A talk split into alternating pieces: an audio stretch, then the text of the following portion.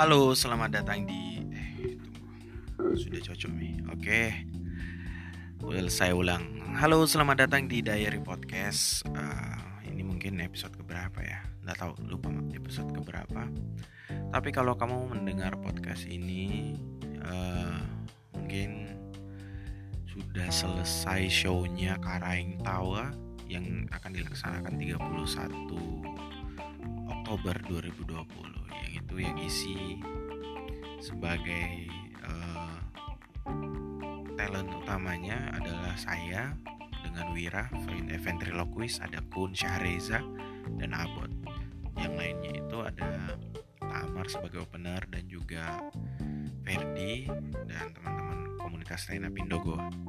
Tapi yang mau saya bahas hari ini adalah apa yang sebenarnya saya cita-citakan uh, di dunia stand up comedy cita-cita saya apa ya? Mungkin masih belum pantas untuk saya ungkapkan sekarang tapi karena ini adalah podcast saya untuk saya jadikan sebagai uh, dokumentasi audio jadi ya terserah. Kalau ada yang mendengarkan terserah kamu mau nilai seperti apa uh, intinya adalah awal mula saya mengenal atau masuk ke dalam mengenal dan masuk ke dalam stand up comedy ini adalah dua hal yang berbeda. Jadi mengenal stand up comedy itu sudah dari lama dari masanya Raditya Dika, masanya Suci 1 2 3 4. Jadi saya awalnya memang cukup kaget kan. Tapi ya oke okay lah suka sama uh, kesenian ini. Awalnya masih suka masih belum berani mencoba masih belum merasa bisa untuk ke sana. Tapi akhirnya pada suatu saat memberanikan diri tapi bukan dengan stand up comedy tapi ya bertemu dengan kesenian ventriloquist. Nah di ventriloquist inilah yang kemudian menjadikan saya menjadi jembatan saya untuk masuk di stand up comedy dan uh, di tahun pertama saya masuk stand up comedy saya akhirnya diberi panggung oleh stand up Indo Goa untuk uh, menjadi salah satu penampil di uh, apa kemarin ya parade komik terus anniversary dan tahun pertama itu juga saya mendapat kesempatan lolos sebagai perwakilan Sulawesi Selatan eh, sorry perwakilan Pulau Sulawesi di acara Jikompes atau Jakarta International Comedy Festival. Uh, saya adalah satu dari tiga perwakilan yaitu saya uh, Amal Buton dan juga Aldi yang dari stand up ya, Indo Makassar. Dan di situ itu karena itu tahun pertama jadi saya sudah berpikir kayak deh kayaknya ini jalanku kayaknya saya bisa berkarir di sini dengan uh, riang gembira. Saya merasa pede nih saya bisa bersaing juga. Tapi setibanya saya di Jakarta ternyata saya tidak ada apa-apanya. Sampai di sana saya merasa jauh sekali tertinggal baik itu dari pengalaman jam terbang dan sebagainya. Sampai di sana saya ketemu dengan komik-komik yang luar biasa yang ngeri sekali yang kalau diceritakan kalau saya ingat kembali situasi di sana itu bikin saya merinding. Tidak karuan luar biasa. Saya bertemu dengan orang-orang yang luar biasa. Orang-orang yang lucu semua dan jam terbangnya sudah banyak. Sesampainya saya di sini mungkin karena efek itu uh, saya juga merasa oh ya sorry. Sesampainya di sini saya mendapatkan pressure yang sama. Saya mendapat tekanan. Di Jakarta waktu itu saya ditegur atau mendapat ini uh, saran dari Bang Awe katanya kalau lu mau stand up uh, lu belajar stand up sendiri dulu sebelum pakai ventriloquist. Itu yang tertanam di benak saya ya waktu itu masih positif.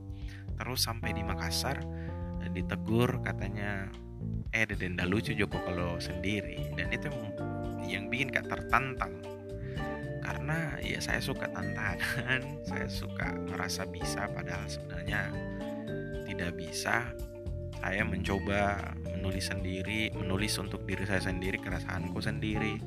Dan pas yakin eh sorry dan ternyata tidak lucu sama sekali.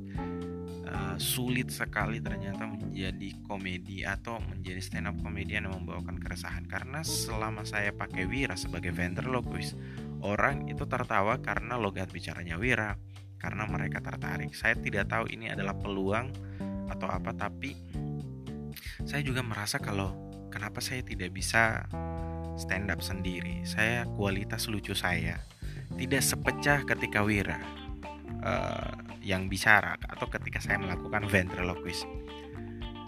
Saya masih sampai sekarang masih masih mencari itu, masih mencari. Karena cita-cita saya sebagai ventriloquist itu sebenarnya sebagai stand up comedian atau sebagai penampil atau cita-cita saya sejak dulu sejak SMP, SMA saya pengen jadi pemanggung. Saya mau jadi pemanggung orang yang ada di atas panggung, orang yang mau orang yang bisa membuat orang uh, suka atau bereaksi dengan apa yang saya lakukan di atas panggung.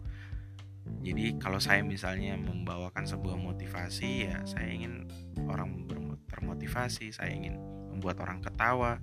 Bagaimanapun caranya dari dulu dari SMP kalau misalnya ada tugas membuat teater saya bikin eh sorry drama di kelas saya bikin drama yang bisa bikin orang ketawa dari dulu dari SMA kalau misalnya saya berkesenian uh, saya bikin situasi atau uh, teater atau musikalisasi puisi yang selain bikin orang uh, mungkin takjub dengan uh, penampilan atau persembahan itu saya juga ingin mendengar orang tertawa. Jadi biasanya saya konsep teaternya itu ada si saya sisipkan jokes-jokes atau di jokes-jokes itu saya sisipkan di MC supaya saya saya saya senang saya suka sama reaksinya orang. Uh, seperti itu. Uh, sampai mana tadi? Oh iya cita-cita saya. Mungkin singkat. Tujuan saya adalah masuk stand up ya tentunya karir yang cemerlang. Tapi tidak tahu kapan akan terlaksana. Semoga uh, dibukakan jalannya. Semoga uh, saya juga berharap semoga saya tetap konsisten sama keputusan saya ini. Sorry kalau ada suara mobil yang lewat saudara-saudara. Semoga saya tetap konsisten uh, karena cita-cita terbesar saya di stand up comedy khususnya di Makassar adalah bikin show sendiri. Punya show sendiri dan salah satu sub uh, show tempat show yang atau venue yang mau saya venue yang menurutku uh, jadi cita-citaku sel uh, eh, selama saya di Makassar nanti venue-nya adalah gedung kesenian. Jadi saya berharap suatu saat nanti kalau saya konsisten di sini pencapaian terbesar yang mau saya lakukan adalah bikin show di show show cocomi bikin show di gedung kesenian kalau dari prediksiku dari kualitasku yang sekarang. Mungkin tahun depan 2021 belum bisa terlaksana di sana. Lihat dari pasarku yang masih sedikit sekali pembeli tiketku yang karang tawa ini saja masih berapa. Belum belum banyak lah penonton untuk penonton untuk saya toh makanya saya masih perlu memperbesar pasar ini. Pasar saya sendiri sebagai ventriloquist dan stand up comedian uh, itu intinya. Pencapaianku yang kuharapkan adalah di gedung kesenian. Entah itu dua atau tiga tahun ke depan. Tapi untuk tahun depan kayaknya masih masih proses untuk pelebaran saya. Masih proses untuk um, jualan marketing belajar marketing juga. Belajar tentang penjualan juga. Masih proses belajar. Mungkin 2-3 tahun ke depan. Baru punya belum tentu terlaksana tapi baru bisa uh, menentukan target baru punya bayang-bayang yang lebih jelas lagi. Tapi untuk sekarang masih jauh sekali. Tapi semoga tercapai lah. Amin. Ya mungkin itu curhatan saya di podcast ini. Siapa pun yang mendengarkan sorry nyampah. Karena ini diary podcast untuk diri saya sendiri Agassi.